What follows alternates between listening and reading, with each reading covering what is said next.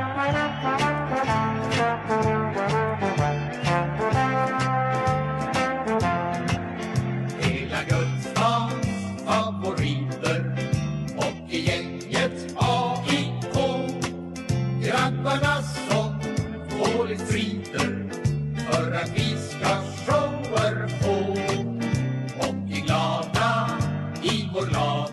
Välkomna till Skellefteå AIK-podden, andra avsnittet här i ordningen. Eh, Första var ju då med GM Forsell och sportchef Lundqvist. Det följer vi upp idag med besök från North Powers före detta ordförande eh, Fredrik Rydén. Varmt välkommen hit. Tack så mycket. Hur är läget med dig?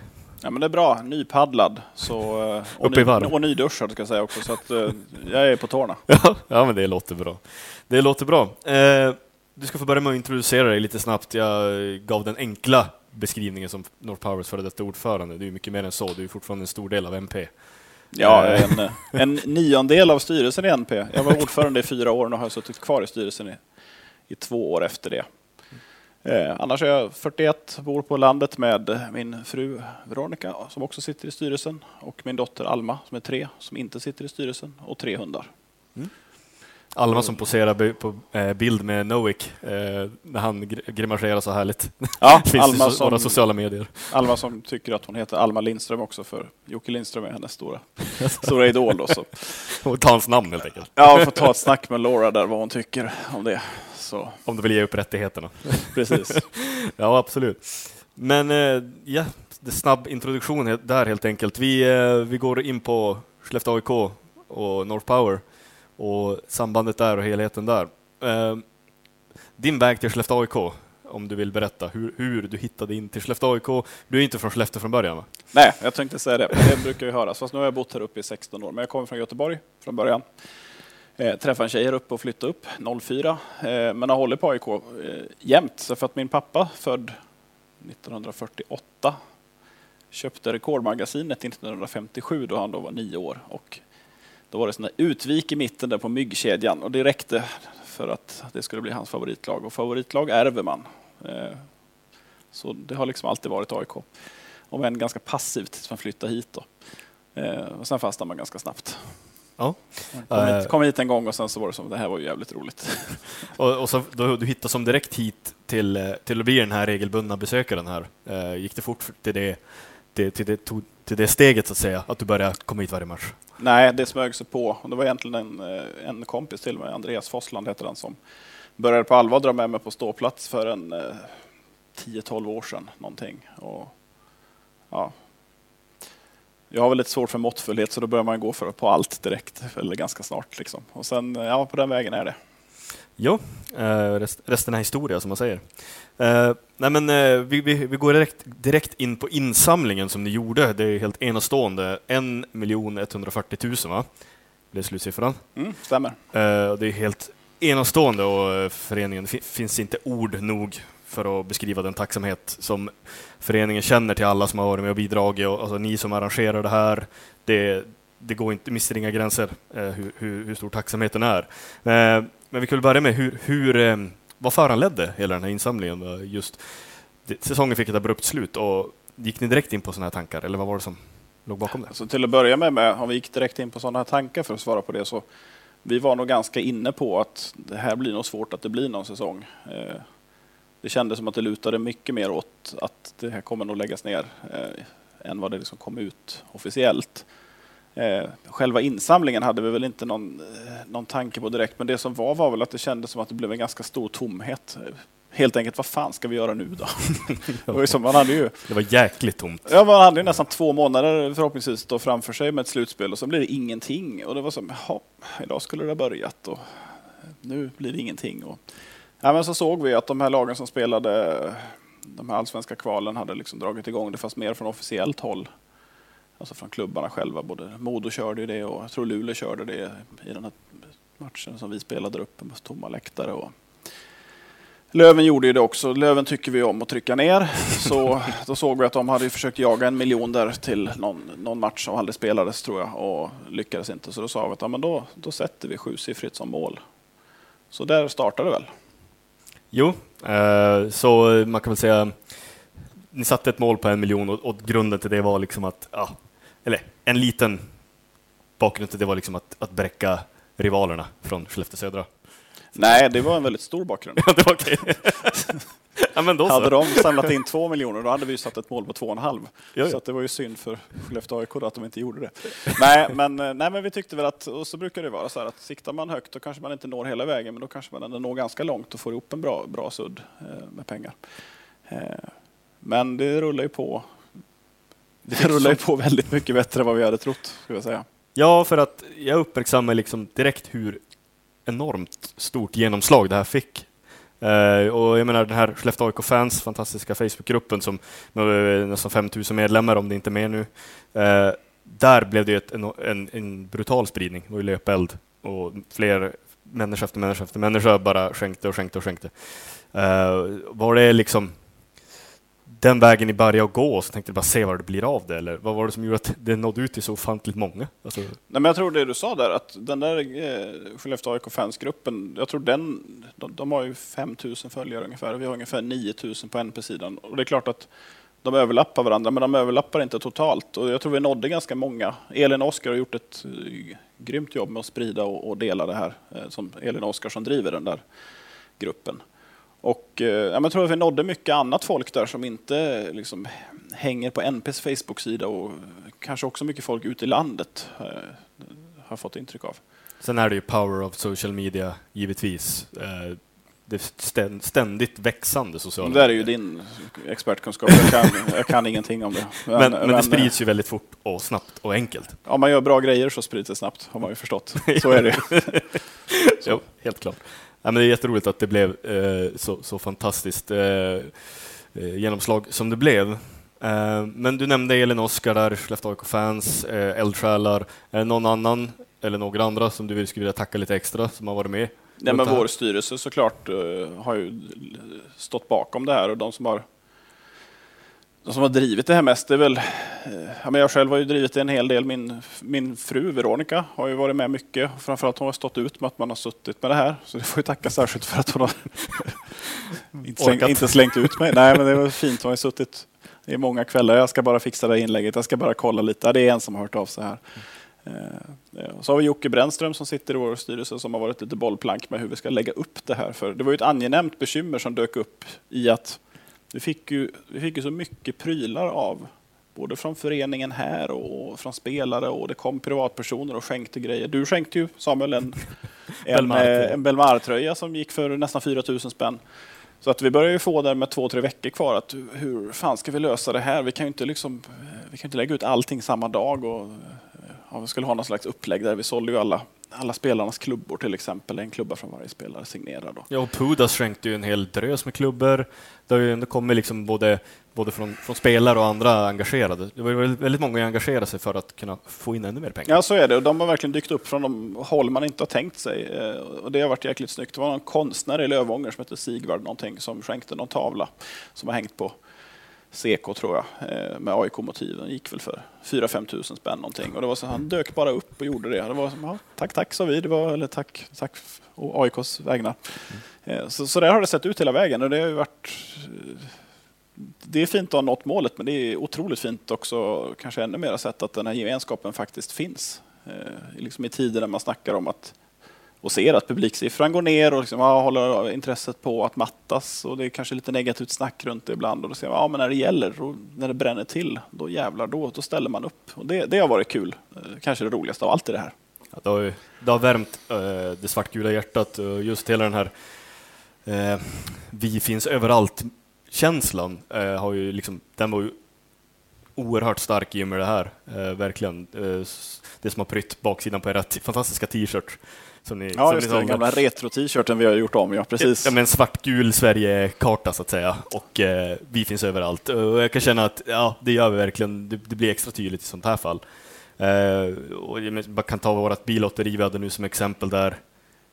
Över, ja, kanske i stort sett hälften av de som var med i lotteriet, det var liksom folk som inte är bosatta i Skellefteå. Mm. Så det är, det är tydligt ändå vilket starkt stöd som vi, vi har eh, sett, alltså, över hela landet. Ja. Jo, och jag tror att det här blev ett, eh, i samband med vår insamling här så eh, blev det väldigt tyd, det blev ett tydligt sätt att hjälpa till om du inte bor i närheten här och har liksom praktisk möjlighet att gå på så mycket matcher. Och, eh, Här klart, man köper väl, de köper väl en del souvenirer, de som bor söderöver och sådär. Men det här blev så tydligt att de, nu kan vi hjälpa till lika mycket som alla andra. Och det tror jag många kände att de fick liksom vara med på riktigt. Och det är vi otroligt tacksamma för. Ja, och än en gång från föreningen till alla ni som har skänkt och varit med och bidragit runt det här och särskilt tack till, till er Rydén eh, givetvis och North Power. Enormt bra jobb, obeskrivlig tacksamhet. Så att till alla er, tack än en gång. Eh, kan inte säga det nog många gånger. Så att tack, stora svartgula versaler, tack. Tack själva.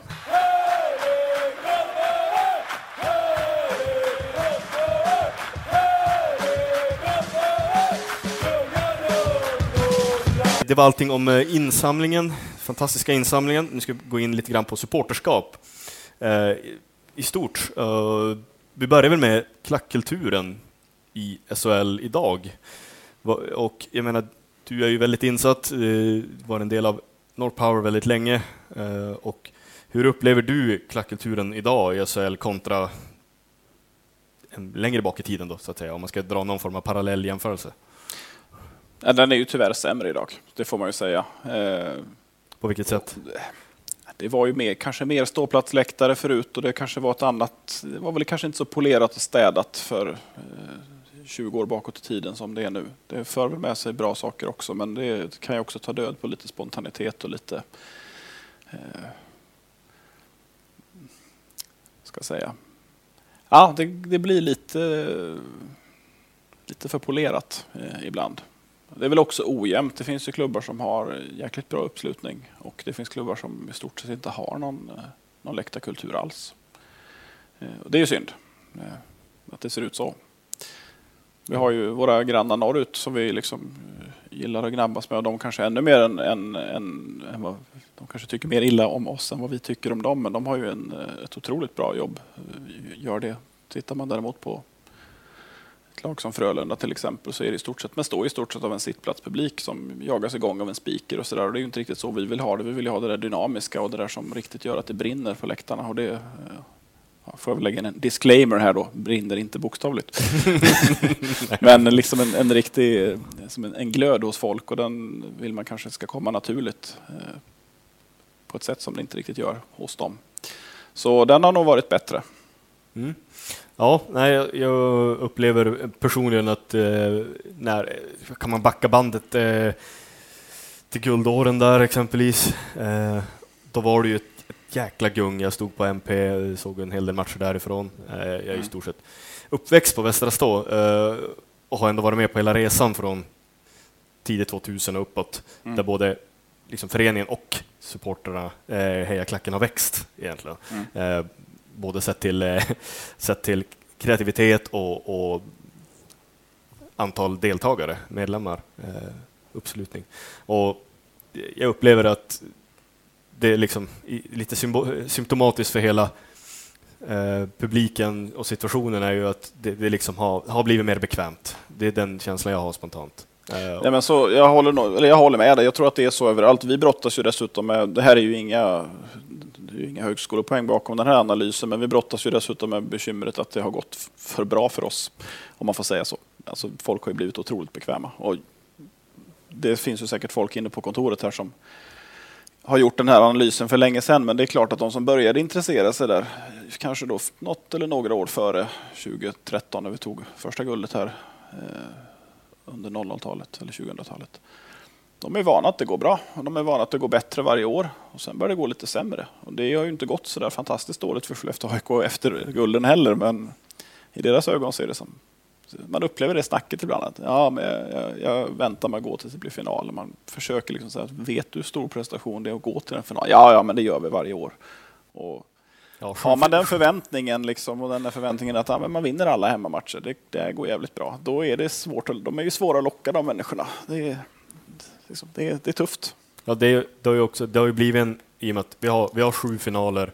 Vi hade sju finaler på 10-talet och det är klart, det blir ju en helt annan typ av eh, puls i ett slutspel givetvis. Och det, det är inte konstigt, eh, liksom hockeyn i stort, men det, jag upplever att, att många har gått och väntat och verkligen visar det här stora, synliga, tydliga engagemanget när det väl vankas slutspel. Och vägen dit, det blir lite, det blir lite serietugg Jag vill ju gärna undvika den termen, men, men alltså att folk har bara gått och väntat. Eh, kan du motivera på något sätt för, för, för, er, ni upplever ju ändå att varje match eh, här på plats, det är, liksom, det är jätteroligt att komma hit varenda match efter match efter match. Och vad, vad, vad är det som motiverar och sporrar till det från dig? Ja, men jag, jag, kan nog tala ur egen. Jag har ju varit med under liksom, en del av de mörka åren, men att jag flyttade hit upp lite, lite efter riktigt risiga 90-talet här. Eh, men jag har ändå varit med de åren, både när vi inte gått hela vägen, jag har också varit med de två åren när vi gick hela vägen. Och jag kan säga att det är ju otroligt mycket roligare att lyckas i ett slutspel när man har varit med och stått eh, mot eh, Rögle en tisdag i oktober och det är 3700 på läktaren. Det, man har med sig det. Till och med den där dagen på torget liksom, så har man med sig det. Man, det ligger mer bakom och det är väl lite det här resan är målet på något sätt. Eh, sen är det jävligt kul längs vägen också. Men jag, jag känner ju att, liksom att det var en stor grej när man liksom började närma sig de här finalerna som vi vann. Att man hade verkligen varit med från försäsong och hela vägen fram. Och det, det inte, hade aldrig, för mig i alla fall, aldrig varit samma sak om jag hade liksom gått hit och ah, undrar om jag ska gå på en final nu. Det vore kul. Det, det kändes som att man liksom, det man vann då, det var det man stängde igen den där aprildagen, det var liksom det som hade pågått från augusti året innan och fram dit. Det var inget som började den veckan eller den eftermiddagen. Utan, eh, man är med på hela resan. Ja. Den känslan är svårslagen, det, det, kan jag hålla med om. Och även den här, den här hungriga, nya, spännande tiden när vi, när vi jagade SHL-avancemang, tänker jag tillbaka till när man säsongen innan så var jag här, stod eh, som en liten gapig unge på, på Västra Stå eh, och vrålade match efter match och ja, jag var på varenda match hela den säsongen. Mm. Vi behöver inte gå in närmare på hur säsongen 04-05 slutade. Det minns vi ändå. Eh, men den säsongen därefter, när alla repade mod, vi Värnblom, vi hade liksom ja, matcher som vi aldrig glömmer bara under grundserien och så resan upp, Bofors borta. Ja. Och man var med på hela den där liksom, mm. resan över flera års tid också. Det, den känslan går inte att slå. Så jag förstår exakt hur du menar med det. Eh. Ja, och man har ju liksom även ett bra år. Om säger, ja, 13-14 var ju ett år som man säger i efterhand. Vi var ju otroligt bra det året och jag tror kanske det var väl knappt någon i Hockey-Sverige som trodde att någon annan skulle vinna guldet. Men så känner man ju aldrig själv. Man, känner ju, man ser ju tusen anledningar till att det här skiter sig på något sätt. Eh, och man har ju slitits mellan hopp och förtvivlan. Man vinner ju verkligen inte alla hemmamatcher, inte ens ett bra år. Man har känt att aj, aj, aj, nu börjar det gå ut för här och så, så ser man liksom tecken till att spelet börjar sitta igen. Så, ah, men det kanske kommer gå i år ändå. Och, så där. och ha med sig de där liksom svängningarna, och de är många under en säsong. Bara kolla senaste. Vi hade ju en, en lite tung svacka där på hösten, så vann vi, helt plötsligt gick vi obesegrade genom hela februari. Ja, så att, nio eller tio matcher eller vad det blev där. Liksom. Det är, det är roligare att ha varit med om de där tio raka matcherna i februari om man var med på hösten. Det är ett ganska bra exempel på det. Eh, än att liksom ha börjat gå på hockey andra veckan i februari och tyckte att det här var kul. De vinner varje gång. Det är, det är kul när man, vet hur det, när man vet hur det kan vara. Då är det ännu roligare att vinna. Ja, du är automatiskt mer insatt och, och det blir ett, ett, större engagemang från dig personligen. Men eh, för att återgå lite grann till klackkulturen i SHL nu. Eh, vad beskriver du? Vad är en bra klack eh, för dig? En bra hejaklack? Ja, men en bra klack är ju, det går nog tillbaka till det. En, en dålig klack det är ju en klack som är styrd av föreningen om man får säga så. Eller en klack där man har, man ser liksom kanske CHL är ju mycket sådär att det är make some noise, clap your hands. Hockey-VM Ja, den är liksom, det är vikingahattar med, eller då får väl folk ha vikingahattar på huvudet, men det är kanske inte det som ska vara i fokus då. Kanske inte spiken som ska dra igång ramsan, utan en bra klack för mig, det är ju det, till att börja med ska det vara en kunnig klack. Och den ska vara enögd. Fruktansvärt enögd. Det ska skrikas på varenda offside. Ja, men den ska ju också vara kunnig och den ska ju också förstå vad man ser och uppskatta det man ser och se skillnad på något bra och något dåligt. Det är, för mig är det en bra klack och det är nog det som du hör där så är jag inte helt, helt förtjust i, i det jag kallar sittplatspublik. De, de behövs ju också, har ju sin rätt att gå, men jag tycker att det är en farlig väg när man säger som Skandinavium till exempel består i stort sett av eh, den sortens publik som eh, är vana att få allting på fat och eh, få sina uppmaningar på jumbotronen eller från spiken att nu är det dags att klappa. Nej, men nu får ni vara tysta. Nu har vi gjort något bra. Nu, Utan det ska vara mer självgående. Det ska vara själv, det ska vara dynamiskt som det så populärt heter numera. det Bra. ska komma. Och det finns ju få gånger, det, det finns ju få tillfällen som slår att stå på en ståplatsläktare om man känner att man har hur många vi nu är, 14-1500 eller vad vi tar in nu.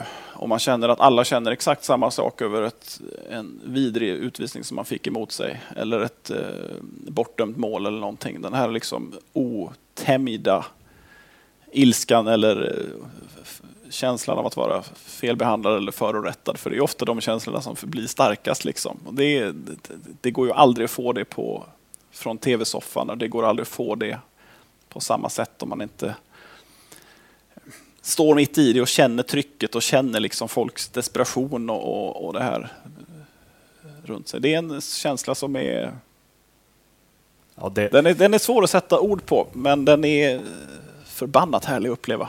Och den behöver inte alltid vara positiv heller, ska jag säga. Man har släppt in mål med en sekund kvar ett antal gånger här och, och det är inte så jävla roligt. Men det är också något man har med sig och man känner det på ett annat sätt när man är här. Det är, det är liksom inte bara att slå av tvn och sura en stund, utan man har med sig det. Det, det, är, liksom, det är tungt bara att gå upp för läktaren och gå därifrån den dagen. ja, man, man spyr lite galla och sen bryter ihop, går vidare och sen kommer man tillbaka igen. Det är lite den, den cykeln på det. Men eh, ja, och det är liksom, än idag kan jag liksom beskriva det bästa minnet här inne som jag var här final två. Vi vann med 2-1 mot Luleå 2013 och arenan gunga Final tre. Final 3. vi hade final 2 borta, ja. Eh, final 3, eh, när vi gick upp på 3-0 i matcher och hela arenan gunga just innan. Det var ju liksom, det var ju som nytt då också, att få igång hela arenan och hoppa. För att det, liksom, det utgick från att hela Västra Stå kom igång och så stod hela Skellefteå Kraft Arena och hoppade så att det nästan så att det sprack i betongen här. Eh, Men det börjar ju redan i första finalen, ja, ja, ja. ska säga. Jo. Eh, Eh, Men det fick väl ännu mer fäste för då, i den matchen med. du pratade om, för då visste alla vad det gällde och alla ville vara med på tåget. ja, det är än idag ett av de bästa minnena här inne och eh, herregud. Jag tror dessutom det. att det finns något slags... eh, Ett tag var det väldigt populärt att göra decibelmätningar. Undrar om det kanske var Simor eller någon som stod bakom det där. Och jag tror att när Martin Kjevs bombade in sitt mål direkt på blank nyspolad spegelis efter Då lät det. Då, Ja, det var någon slags eh, rekord där i alla fall. Och jag minns att det var inte svårt att förstå att det var det heller, för man var ganska, det ringde i ögon, öronen ganska bra när man stod där. Eh, Det får man inte heller med sig från tv-soffan. Det går inte i repris. Nej, verkligen inte. Det är alltid bäst på plats. Eh, och ja, som i- enighet med att vi, Skellefteå AIK, försöker locka mer till folk till arenan. Eh, försöker ni locka mer folk till Västra Stå? North Power, eh, eller hur går arbetet med det? Och, eller hur, hur skulle det kunna gå till? Försöka locka fler till North Power? Om man med North Power menar ståplats, eh, så absolut. Jag förenar de två. Ja, eh, och det kan man göra.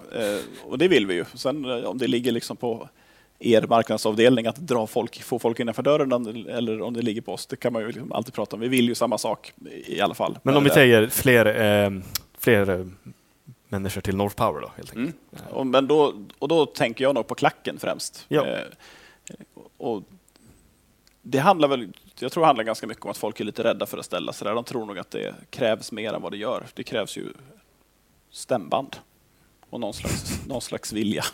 Det, det är inte så mycket mer. Men falsksjungare har vi gott om. Ja, ska det behöver säga. inte Och- låta bra, det behöver bara låta högt. Nej, och takt, taktkänsla det saknar ju hälften av oss också, så det behöver man inte heller ha med sig. Men någon slags hjärta och vilja, det, det, räcker, det räcker långt. Och vi märker det på folk, man ser vilka som närmar sig kärnan över en säsong och man kan se att de står liksom 25 meter bort från den första matchen på säsongen och sen står de som ett par meter från trumman där och Kryper närmare och närmare. kryper och testar lite så här, kan jag stå här och går det bra? Och då vill man ju som ta emot dem med så öppna armar man kan och känna att, och form, formen känna sig välkomna.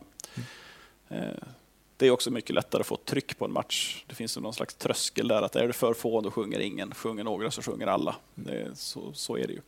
Men finns det en, en risk att eh, klackkonceptet har fått en negativ klang? Eh, Jag tänker sett över generellt med att folk tänker att det är könsord och glåpord och allt sånt där. Och, eh, för jag upplever inte att så är sanningen.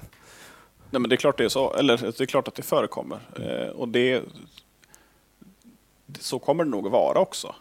Eh, det är också farligt att bli för, och det går tillbaka till det jag sa om att det får inte bli för polerat heller. Eh, det finns skriksaker som är otroligt olämpliga på en hockeymatch. Men jag har ju mer förståelse för att det skriks på Västra än att det skriks på stan efter någon. Mm. Och jag tycker ju i många fall att det eller i alla fall i stort sett, att det stannar ju faktiskt där. Det ligger kanske inte så jättemycket bakom ett, ett domarjävel eller vad det kan komma. Mm. Det är väl inte det värsta man har hört heller kan. Så. Ja, det är mycket känslor på samma gång. Ja, men det är liksom farligt att polera till det så att det funkar för det är, det är svårt att bemöta sig att jag hade med mig min sexåring och ställde mig mitt i klacken och han hörde att någon sa jävla idiot. Ja, det förstår att inte det kanske inte går i linje med den personens barnuppfostran. Frågan är, ska man då ändra en hel klack? Vi tycker väl kanske inte det, men man vill väl hålla borta det allra värsta kanske. Ja, det behöver inte bli hur grovt som helst. Eh, absolut inte, men eh, ja, absolut. Men vi kan väl knyta ihop eh, supportersäcken där bara för den här gången. Mm. Och det är ju någonting som jag finner ständigt aktuellt, så det kommer vi cirkulera tillbaka till i, i framtiden.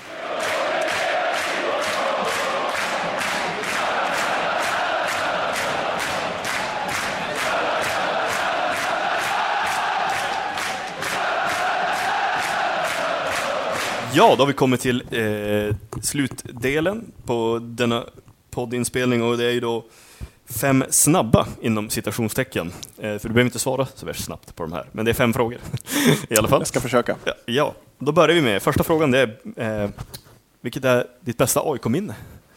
Jag borde man ju svara gulden då. Mm. Eh, men jag svarar ett minne som har med första guldet att göra och det var när vi mötte Linköping i ska vi se, 2013, eh, match två. Vi hade förlorat första matchen här. Vi satt oss i en minibuss på påskdagen på natten. Körde ner nio pers ner till Linköping över natten. Eh, gick på den här matchen, tog några pilsner före. Eh, låg under med 2-1 i 59,5 minut. Eh, Viktor Arvidsson kvitterar. Jag tror alla kommer ihåg det här. Men på plats var det ganska, ganska stort. Eh, det blir förlängning. Jocke gör en magisk uppåkning och en sån där patenterad tvärbroms flippar över till John Klingberg som avgör några minuter in i förlängningen. Och, ja, men det är sånt där minne som den där matchen kanske inte alla kommer ihåg idag. Vi, för mig har den satt sig otroligt starkt. Framförallt så hade man 100 mil att köra hem och de med 40 sekunder kvar, då var det ganska tunga mil framför sig. Eh, när förlängningen var slut så var det, kunde man kört dubbelt så långt utan problem. Så det är ett sånt där starkt minne med bra kompisar som man åkte med. Så det var härligt.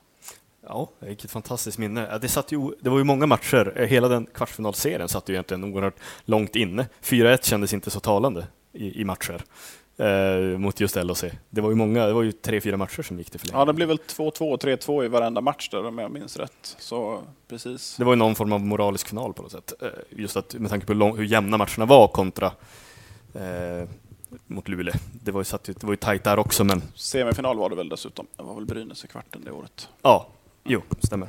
Det var semi mot LHC. Nej, goda minnen. Fantastiska år det där. 13 och 14. Eh, vilken är din favoritramsa, North Power? Eh, den som har gett starkast, min, starkast intryck på mig, det var ju det vi pratade om här nyss med eh, Vi på Västra Stå 2013. Eh, det var ju dåvarande ordföranden i NP, Thomas Nordström, som drog igång den där idén att ja, men vi ska få hela arenan att hoppa. Och det var ganska många som tänkte att ja, vi får väl se om de hoppar så mycket. Och jag vet att jag och, och eh, klackledaren där, Oskar, stod och tittade på varandra när vi insåg att fan, det här funkar ju, de gör ju det här. Eh, så det var ju ett starkt minne. Men frågar man idag så eh, jag är lite svag för växelramsor. Jag gillar ju AIK Visa hjärta med en välfylld ståplatsläktare eh, med ett riktigt riktigt rappar, rapp respons från andra sidan hela tiden och kan tycka att en kom igen AIK i slutet när vi ligger under och jagar en kvittering kan vara när man känner den här desperationen och liksom det här ibland nästan vanmakten på läktaren. Att folk liksom skriker ut sin ångest. Det är fint. Det, det gillar jag. Ibland kan det korta nästan vara det, liksom, det rappa. Sen finns det fullt med fyndiga och bra långa ramsor, men den där är de, de kan liksom slå bra. Det ska vara så att det ekar i trumhinnorna ordentligt. Okej, okay. så att vi, vi landar vid den då? Ja, vi landar på den. Ja, eh, AIK visar hjärta. Eh, men det finns ju en ramsa som kanske folk är lite nyfikna på. Jag, jag kollade upp den flera år sedan, just när, det, när, den, eh, när, när den tog fart. Så det är ju den här, när alla sitter ner. Och så sjunger man, så skriker ju klackledaren jag ska på charter, Ja, varpå alla svarar är du från Nasaret? ja, Och, och det det, är då i grunden inspirerat av en fransk klubb va? ja, det är ju Lans i franska fotbollsligan och det är nog ungefär det vi har uppfattat av den också. För jag har ingen aning om vad de sjunger, men det lät som att de sjöng Jag ska på charter. Och så svarar de, är du från Nasaret? Och så Den tyckte ner. var bra. Ja, alla sitter ner fram till eh, eh, liksom, att, eh, tredje eller fjärde gången. Och, och så ställer sig alla upp och hoppar. Det är en otrolig effekt när alla suttit ner och reser sig och det Ja. blir liksom nästan samba-stämning. Då. Ja, nej, men den, vad de sjunger i Frankrike där, det har vi, ja det finns säkert någon som har tagit reda på det. Jag, jag har ingen aning. Det spelar ingen roll heller, men det var bra. Det lät som vi ska på charter. Jag ska på charter. Och då, tänkte jag, ja men det kör vi på. Det var inte svårare än så. Det var nog Isak Lundmark som kanske plockade upp den där för gamla klackledarna som Jo, han är, grävde upp den där tror jag. han är min källa bakom det här också. Ehm, så ja, en härlig för, försvenskning så att säga. Vi får hänvisa till Google då, eller andra sökmotorer om man vill reda ut vad de faktiskt sjunger. Mm. Det är ingenting vi kommer klarlägga här. Ehm, då är en liten avstickare. Vilket är det bästa Seinfeld-avsnittet enligt din mening? Vilket av dina barn älskar du mest? ja. Seinfeld, enastående serie. Jag har faktiskt, just den här frågan blev jag faktiskt förberedd på då, kan jag berätta. Så att jag har ju tre runner-ups då. Ja. Eh, följt på en vinnare. Eh, De som inte tog sig till första platsen är The Soup Nazi, The Bubble Boy och The Contest. Mm. Tre starka avsnitt. Eh, men den som vinner är faktiskt The Marine Biologist. Eh, Jo, för den är bra. Den är bra. The sea was angry that day my friend. De som fattar, fattar. De som inte fattar bör se det. Absolut. Eh, farligt att golfa på stranden helt enkelt. Ja, särskilt om det finns val i, i vattnet. Ja. Mm. Större risk, ri- mer riskfyllt i New York kanske. Nej men eh, absolut, jag tackar, jag tackar. Eh, jag kommer, jag har själv funderat. Jag är ju en, en eh, Seinfeld-fanatiker själv och jag kom inte fram till något rimligt svar på den ens. Du har inget favoritavsnitt? The Nap tycker jag är ganska rolig, när han får för sig att lägga sig och sova under sitt skrivbord. Starkt, Eh, starkt avsnitt. Och hans chef går in och väntar på honom och eh, sitter där i tre och en halv timme bara för att han vill veta vilken låt han nynnar på eh, tidigare den dagen. Så att, ja, som vanligt är det ju ett eh, fantastiskt eh, slumpartat intressant händelseförlopp som i alla avsnitt. Det skulle vi kunna prata länge om, men då får ni klippa mycket. Så känner jag. Det blir en helt egen podd Ja. eh, angående Seinfeld. Nej, men då är vi inne på nästa, fråga fyra och eh, det är då eh, ta ut din drömfemma i AIK genom tiderna. Mm. Jag valde att göra så här, den här frågan blev jag också förberedd på. Det finns ju liksom spelare från myggkedjan och, och framåt. Jag var inte med på den tiden, jag, jag har jättesvårt att stoppa in dem, så jag valde att titta på den tiden jag har faktiskt har koll på. Eh, och i drömfemma då räknar jag med att du ska ha målvakt också. Ja, ja, ja. Eh, målvakten, där har jag satt Joni Ortio. Eh, han var bara här två år, men jag satt honom för att folk ska förstå att det är kanske den bästa målvakt vi har haft här. Nu är nog Gurra kanske på god väg att eh, ta sig upp till de nivåerna också. Eh, fruktansvärt bra målvakt. Eh, jag tror inte folk förstod hur bra han var. Eh, så han, han ska med bara för det. För att jag gillar honom så mycket. Jag, upp, jag upplevde att i sina bästa stunder höll han NHL-klass. Han kom väl Eh, därifrån Ja, också. Och, han har stått mycket i NHL den, den tid han var där, den lilla tid han var där. Mm. Så fick han stå en hel del matcher. Så, ja, Ja, han saknar man, även om man, man gillar ju Gurra och det är inget, man saknar inte honom på det sättet att man saknar en kompetent målvakt, men eh, satan var rädd oss mycket, så kändes det. Oh, ja. Eh, ja, nästa. Det var ett backpar då. Då tänkte jag att jag måste ju få med någon från den här tiden när vi gick upp. Och Johan Åkerman är ju på något sätt, han är ju, han var ju kung, han är ju kung på något sätt, så han får ta den ena backplatsen. Eh, sen är det ju svårt för mig att se bort från Podas Pudas som har bara tre säsonger här, men han har gjort ett otroligt starkt avtryck och i tredje gången jag kommer tillbaka till det här med, det här med polerat så är det väldigt skönt med en spelare som inte är så polerad och, och vågar uttrycka sina Eh, sina tankar utanför isen som syns att han brinner på isen. Eh, jag gillar när man leder med 4-1, det är 30 sekunder kvar och boxplay. Någon täcker ett skott, han står och hoppar jämfot av glädje i båset. Sånt, då smälter mitt svartgula hjärta jättemycket. Så, en bra person, eh, han måste med, definitivt. Ja, det är ju ett riktigt bra backpar sett i powerplay. Det är bara att ställa dem på blå i stort sett Ja, jag, räknar, jag räknar inte att vi behöver någon defensiv i den här. Vi har ju Ortio längst bak ändå nu, så det, det, Det är lugnt. han, får lösa det. Ja. Anfallet då? Vi är ganska nutida spelare. Jocke Lindström är självklar bästa spelaren vi har haft någonsin. Mm. Eh, det kommer bli otroligt märkligt den dagen han försvinner. Han är, trots att alla ser hur bra han är, så är det ingen som ser riktigt hur bra han är, i min uppfattning. Det gör nog inte jag heller, men han är magisk. The GOAT eh, kan vi vissa kalla han. Greatest of all time. Ja, det, det är han tveklöst. Så det Han kommer liksom till jobbet varje dag på ett sätt som ja, det är otroligt. Eh, Jag tycker också Jim är helt självskriven på den listan. Man har liksom pratat mycket om Hardy och, och han har varit en symbol för klubben i många år. Jimmy har varit här jävligt länge och stått för allt den här klubben ska stå för i form av ja, lite det vi pratade sa med Podas där att han vågar säga vad han tycker. Han är vältalig, han han är smart och en jävligt bra hockeyspelare. Ett- slitet uttryck, men jag förstår att man hatar att ha honom emot sig. Jag älskar att ha honom med oss. Jag, sa, jag saknar honom på isen. Ja, herregud. Eh, om, om det lämnar ett tomrum, sättet den här säsongen slutar på, så då var det ett tomrum som lämnades när han fick kliva av hemma mot Luleå. Ja, och på sättet han fick lämna också är ju... Nej, det att inte få sluta på egna villkor, det är hemskt. Nej, jag har faktiskt svårt att prata om det utan att bli alltför för känslosam. Det, det är tufft, och, och, för det, det är så orättvist slut på en så magnifik, enastående karriär. Alltså. Som enda spelaren i OS eh, 2014, enda SHL-spelaren, Jim Eriksson var där. Eh, och det han har gjort för den här klubben. Nej. Ja, vi skulle kunna dedikera en hel podd till Jim Eriksson också. Eh, inte bara ett avsnitt, en hel podd. Eh, men sista pusselbitarna. Också sådana som ligger med lite varmt om hjärtat och det är lite nostalgikänsla. Och det är Pontus Petterström. Vi har ju vår Pontus Petterström Trophy eh, som vi delar ut till en hårt arbetande spelare som inte gör så mycket väsen av sig alla gånger eller som inte är så har så stort behov av att synas utan liksom går till jobbet och, och sliter hårt och står för rätt värderingar. Och Pontus har ju gjort det i, i alla år. Han har ju varit ute på någon avstickare till Linköping och sådär. Men han har ju på något sätt, trots att han kommer från Nybro, så känns det ju som att han är liksom, han är ju, ska ju vara född på Sunnanå ungefär. Och Att täcka puckar upp till 35 års ålder eh, med munnen före, det, det finns en respekt i det. Ja, och han han har liksom gjort. aldrig klagat på det. Han har liksom tagit sin roll, tycker jag, i alla, i alla år här. Han har ju varit liksom i allt från första PP ner till fjärde kedjan. Och han, har, han har slagit ut tänder och, och så här brutit ben. Det har han säkert gjort också. Han har förmodligen inte berättat det för någon. Så han, eh, han, eh, han är ju som en symbol för en, en slags, en sorts hockeyspelare som det inte kommer fram lika många av idag och han är jävligt härlig.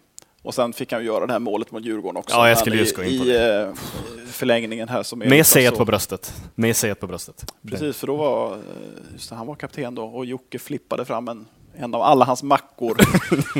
Och Pontus vispade in den där. Ja, det var, det var eh, Som du beskrev det i hyllningen till honom när han la skridskorna på hyllan, eh, kosmiskt rättvist. Ja, men det var ju det. Jag tror jag sa det också, att jag tror alla i hallen kände då att han var värd det ännu mer än alla andra. Det är ju som han är inte den största målskytten vi har haft på något sätt, men de som har varit här mycket, de har ju sett vad han har gjort. Går väl också tillbaka till det. Har man gått på mycket matcher mot Rögle i november och har man sett Pontus täcka de där skotten. När man leder med 4-1 och det är en halv minut kvar. Om man ändå liksom slår ut en framtand för att det inte ska bli 4-2. Det, det finns något vackert i det. Och det är den sortens spelare som inte växer på träd idag. Oh ja, vi ska ta Ponta, vi ska försöka få Ponta till podden faktiskt. Eh, det, det är en förhoppning jag har. Då får han berätta med sina egna ord hur det var och, och täcka de här skotten med 4-1 ledning eh, i slutet. Eh, men för att summera, det är alltså Ortio, vi har Åkerman, Pudas, Jimmy, Jocke och Ponta. Det stämmer. Det fanns några runner-ups på den listan. De var ganska många, men eh, man var ju tvungen att ta dem. Du skulle kunna ta ut en, alltså ett drömtrupp egentligen. Terry Broadhurst kom inte med. Kan säga. Han var inte... Jag fick stryka honom. Okej. Ja, ja. Nej, men du, jättebra. Eh, jag tackar för, femma, eh, för drömfemman och för att du var med oss här idag. Tack för att du fick komma hit. Och så får du hälsa till alla dina vänner i North Power. Vi älskar allihopa. Så, hoppas ni vet det. Vi älskar er också. Det är därför vi håller på. det låter bra. Tack Fredrik. Vi hörs. Tack.